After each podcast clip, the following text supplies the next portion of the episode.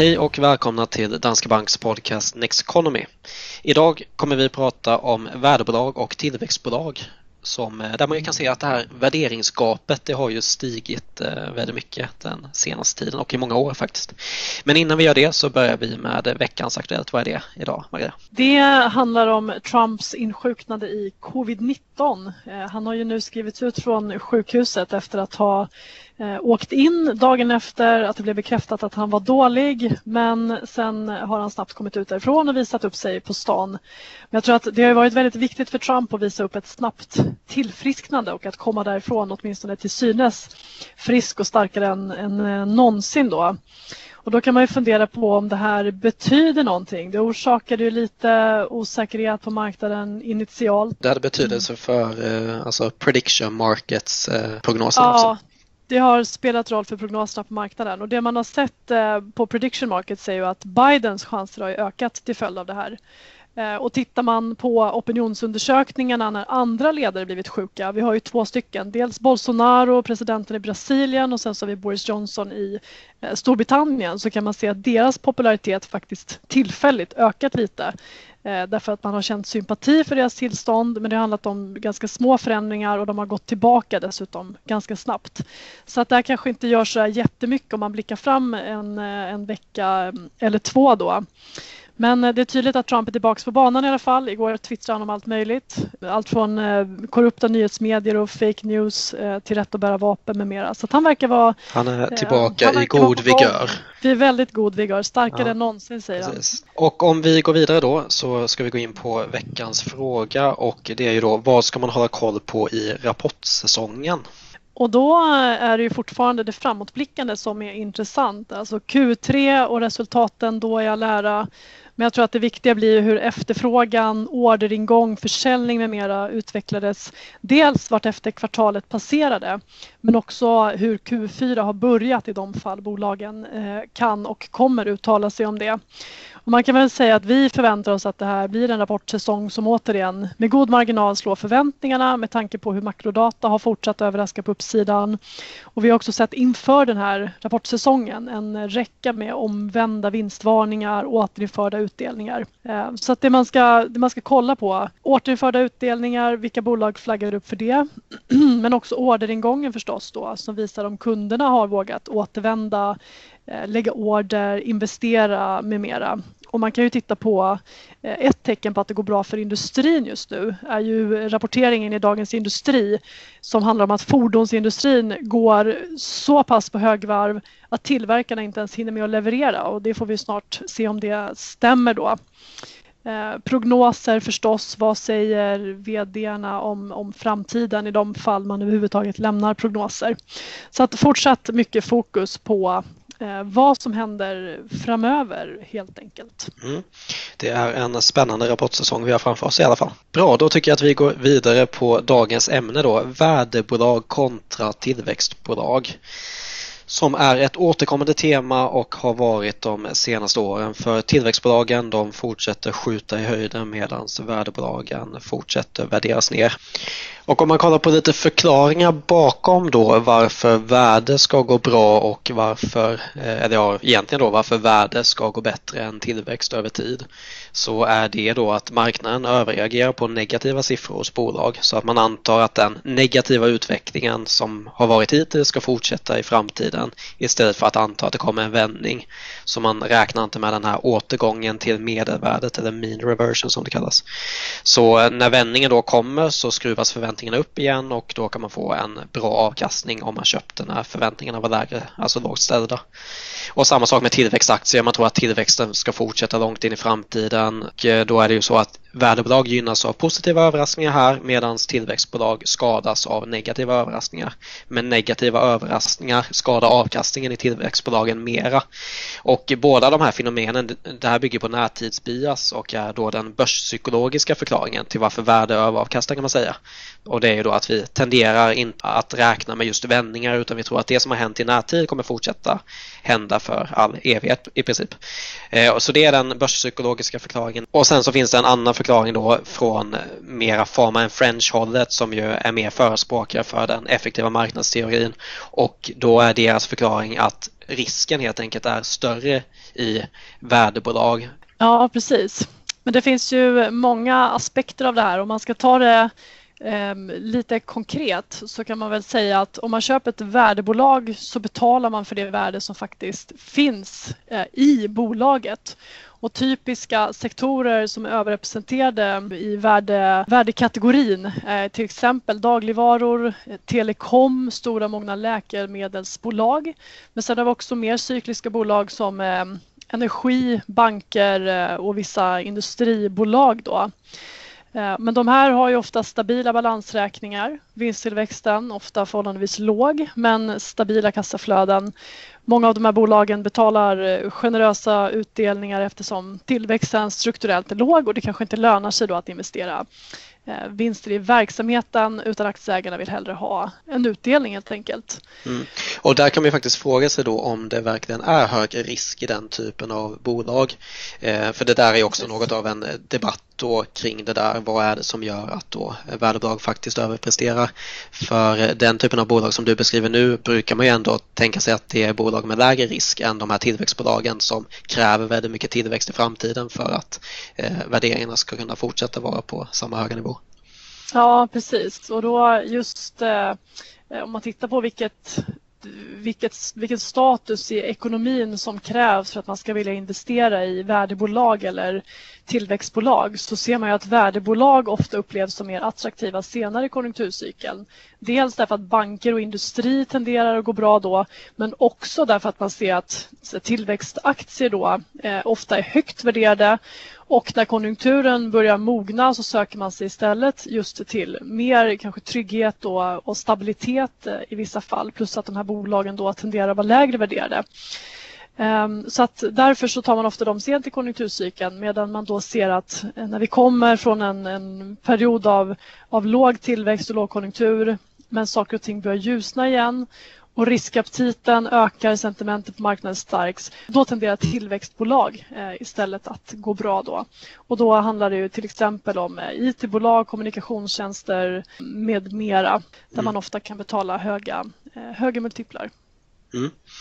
Och om vi pratar lite mer om just det här värderingsgapet då så är det alltså det största sedan IT-bubblan. Och det finns ju flera anledningar till det där men om man blickar tillbaka till när vi hade IT-bubblan i början av 2000-talet då fanns det ju Eh, inte så mycket vinster i de här IT-bolagen. De tjänade ganska dåligt eller lite, eh, eller förlåt inga pengar och aktiekurserna steg ju något hårdraget kanske men egentligen enbart på förhoppningar om vad som komma skulle. Och sen när det visade sig att stora delar av de här förhoppningarna var luftslott så föll korthuset ihop då. Men så ser det ju faktiskt inte ut idag utan de här stora teknikjättarna och då tänker jag främst på amerikanska fangbolagen. De växer både snabbt och är lönsamma och faktiskt både lönsammare med högre tillväxt än vi kan hitta i de flesta andra sektorer på börsen. Så att man kan ju inte peka på, på en sån tillväxtbubbla som vi hade i början på eh, 2000-talet då. Och sen får man väl säga att det här sker i kombination med ett annat fenomen, nämligen ihållande låga räntor. Och man kan säga att bank och finans är överrepresenterat och väger tungt i ett värdeindex. Och just bankerna då, de lider ju av den här lågräntemiljön Eh, och även av att räntekurvan, det vill säga skillnaden mellan långa och korta räntor, är historiskt låg.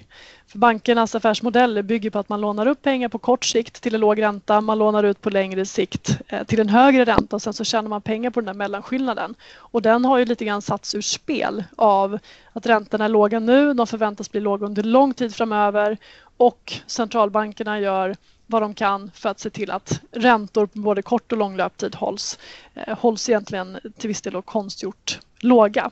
Mm. Eh, så att det här har bidragit till en underprestation eh, för värdebolag och värdeindex medan då tillväxtbolag har gynnat den här lågräntemiljön. Precis. Och eh, det brukar faktiskt vara så att värdeaktiers multiplar då rör sig mer mot ett medelvärde, alltså att de kommer tillbaka igen snarare än att vinsterna gör det.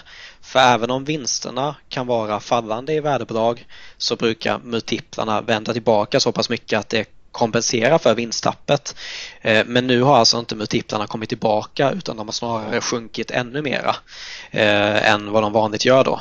Så det är alltså inte vinsterna som har fallit mer än vanligt i det här fallet utan det är just eh, värdebolagens värdering. Ehm, och normalt så brukar man alltså, som man då kunde se på slutet av, ja, innan IT-bubblan sprack, så kan man då se att man tenderar att betala för mycket för tillväxtbolag Eh, och att man samtidigt då kanske inte betalar tillräckligt mycket för bolag där tillväxtförutsättningarna inte är lika bra. Eh, men, och då är det ju så också att de här höga värderingarna brukar ju inte kunna pågå hur länge som helst utan någon gång så tar det stopp. Eh, men nu har det alltså fortsatt längre än tidigare. Så jag menar en kombination av fortsatt stigande vinster och stigande värderingar för de här tillväxtbolagen och framförallt då FANG-bolagen som du var inne på och sen då sjunkande värderingar för värdebolagen har ju bidragit till att den här skillnaden har blivit ovanligt stor numera. Och jag tänkte på några sådana här förklaringar eh, förutom som du var inne på tidigare som man, man brukar prata om är, jag bara dra några, alltså dels att strategin är för populär, alltså det finns för många index och för många strategier som följer just värdefaktorn.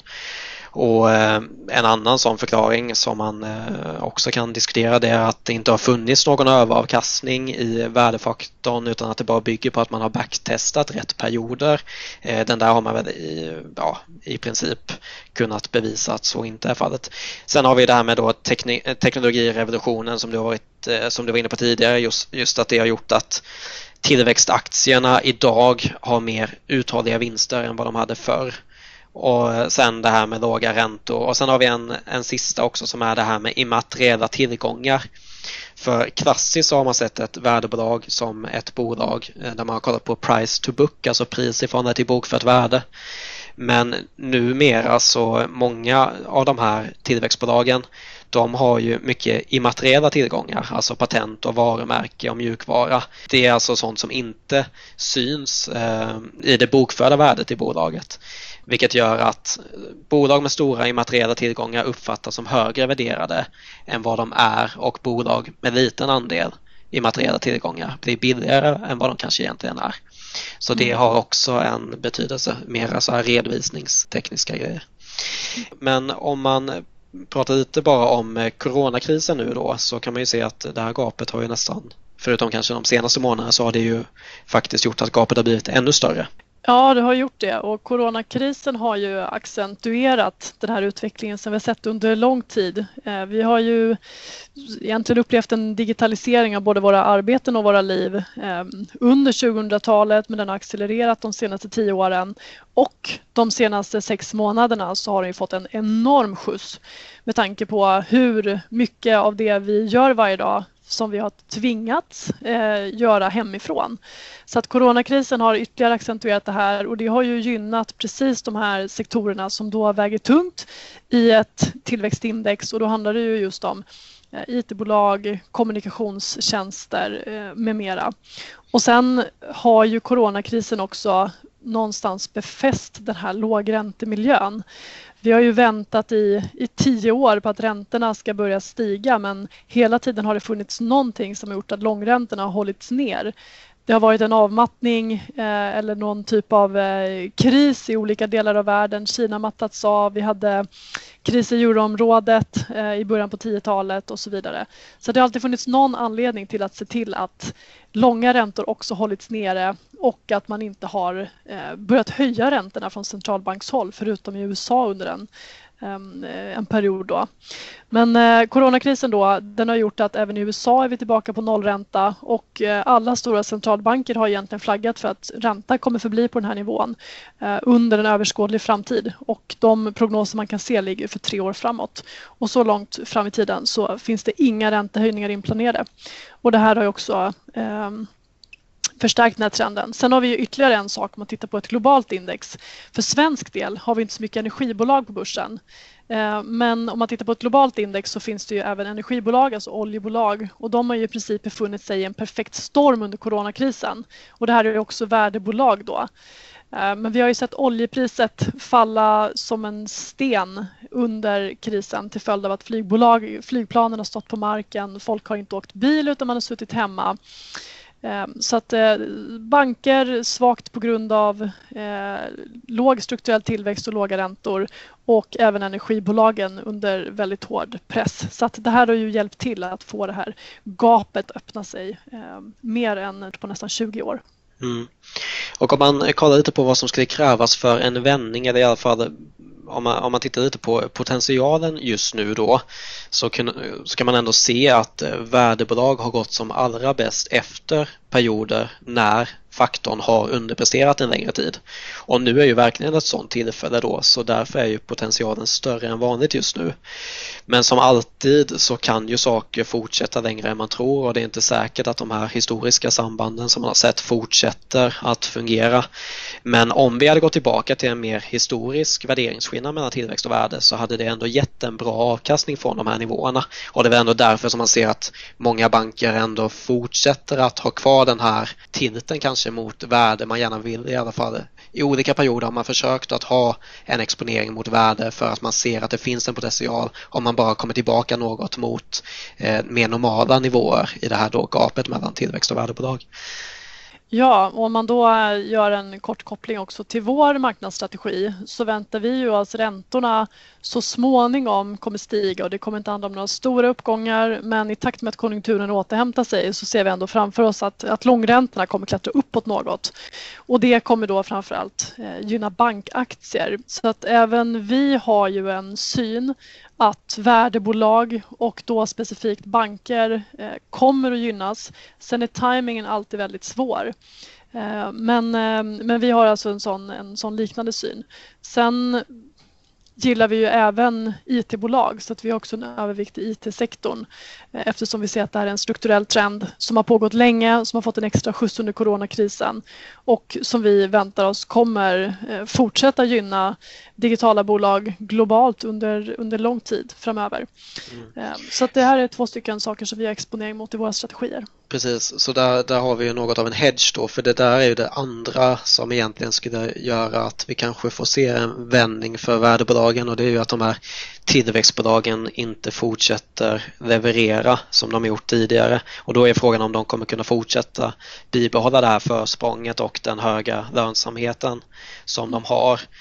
Och eh, jag menar, något som skulle kunna kanske stoppa den här framfarten är ju till exempel så har man kunnat se att vi tidigare sådana här teknologiska revolutioner som till exempel massproduktion då har den här framfarten hos ett fåtal bolag antingen kunnat stoppas av bara ren ökad konkurrens eller då regleringar som gör att man inte har den här monopolställningen som man kan se nu hos eh, vissa av de stora teknikjättarna. Eller då att tekniken helt enkelt har spridits ut i ekonomin vilket gör att eh, det här fåtal bolagen inte får samma försprång vad gäller då tekniken. Eh, så det är vissa saker som skulle kunna göra en förändring men det handlar ju någonstans om att de här mer klassiska värdebolagen måste liksom komma ifatt vad gäller i alla fall värdering de här eh, teknikbolagen som fortsätter gå bra, eh, både värderingar och vinster. Mm. Och den största parametern som har liksom mest betydelse för att detta skulle kunna ske skulle jag vilja säga då det är stigande långräntor och vi mm. får se om det är någonting som vi eh, kommer att få uppleva under eh, 2021 möjligtvis. Mm. Bra, då tänker jag att vi går vidare eh, och Eh, tar veckans tankefel då. Och veckans tankefel det är confirmation bias eller bekräftelsebias.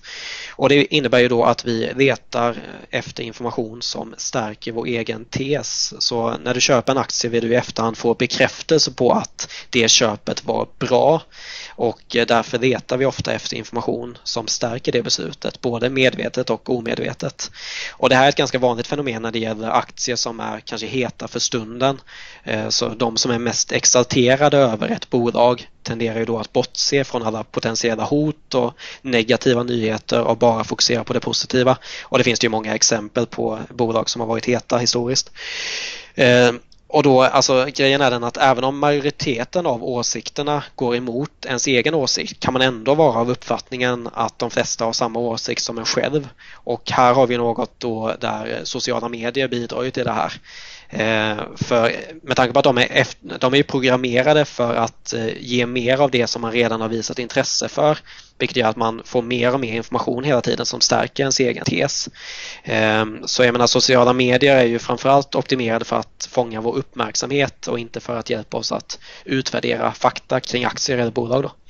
Nej precis. Och det gäller ju även inom andra områden till exempel när man ska påverka eh, folks eh, opinion inför ett val till exempel så kan man se att om man har gillat eller klickat på vissa typer av artiklar så kan man se till att den personen får fler sådana sponsrade inlägg som bekräftar den personens verklighetsuppfattning och kan göra en mer eller, mer eller mindre ska säga, benägen eh, att lägga sin röst till exempel på en viss presidentkandidat. Och egentligen så borde man ju göra motsatsen, det vill säga ge folk den information de inte har för att nyansera bilden. Men mm. Eh, det är ju ingen som vill betala för. Nej, precis. Och eh, det här bygger ju till viss del också på evolutionsteori. Eh, vår hjärna tar gärna genvägar i beslutsfattandet om man kollar historiskt så fattade vi ett fåtal beslut under en hel livstid och de här fåtal besluten tenderade att vara överlevnadsbaserade. Men idag så fattar vi hur många beslut som helst hela tiden så det är inte så konstigt att hjärnan försöker ta genvägar. Men det som du är inne på där, istället för att hamna i en sån här filterbubbla så är det bra om man aktivt då försöker söka efter information som går emot ens egen syn. Så mm. jag menar, vad skriver de som har en negativ syn på bolaget och vad kan du dra för slutsatser av det? Så jag menar, alltså målet ska någonstans vara att man kan argumentera lika bra emot sitt eget case som man kan göra för det. För då kan man ha en väldigt nyanserad bild av bolaget och förhoppningsvis också fatta bättre beslut på det sättet. Mm. Lättare sagt än gjort kanske, men absolut någonting att sikta på. Ja, Bra, då tycker jag att vi avrundar för idag. Eh, som vanligt så får ni jättegärna komma med förslag på ämnen som ni vill att vi ska ta upp framöver, antingen i frågeformuläret, i avsnittsbeskrivningen eller på Twitter. Och så får ni gärna gå in på nexeconomy.se också. Och där kan ni läsa allt om vår marknadssyn. Ni kan ta del av filmer, bloggar och förstås alla våra poddar som vi släpper. Och nästa avsnitt kommer om två veckor. Vi tackar för att ni har lyssnat och så hörs vi igen nästa gång. Tack och hej. Tack och ha en fin vecka.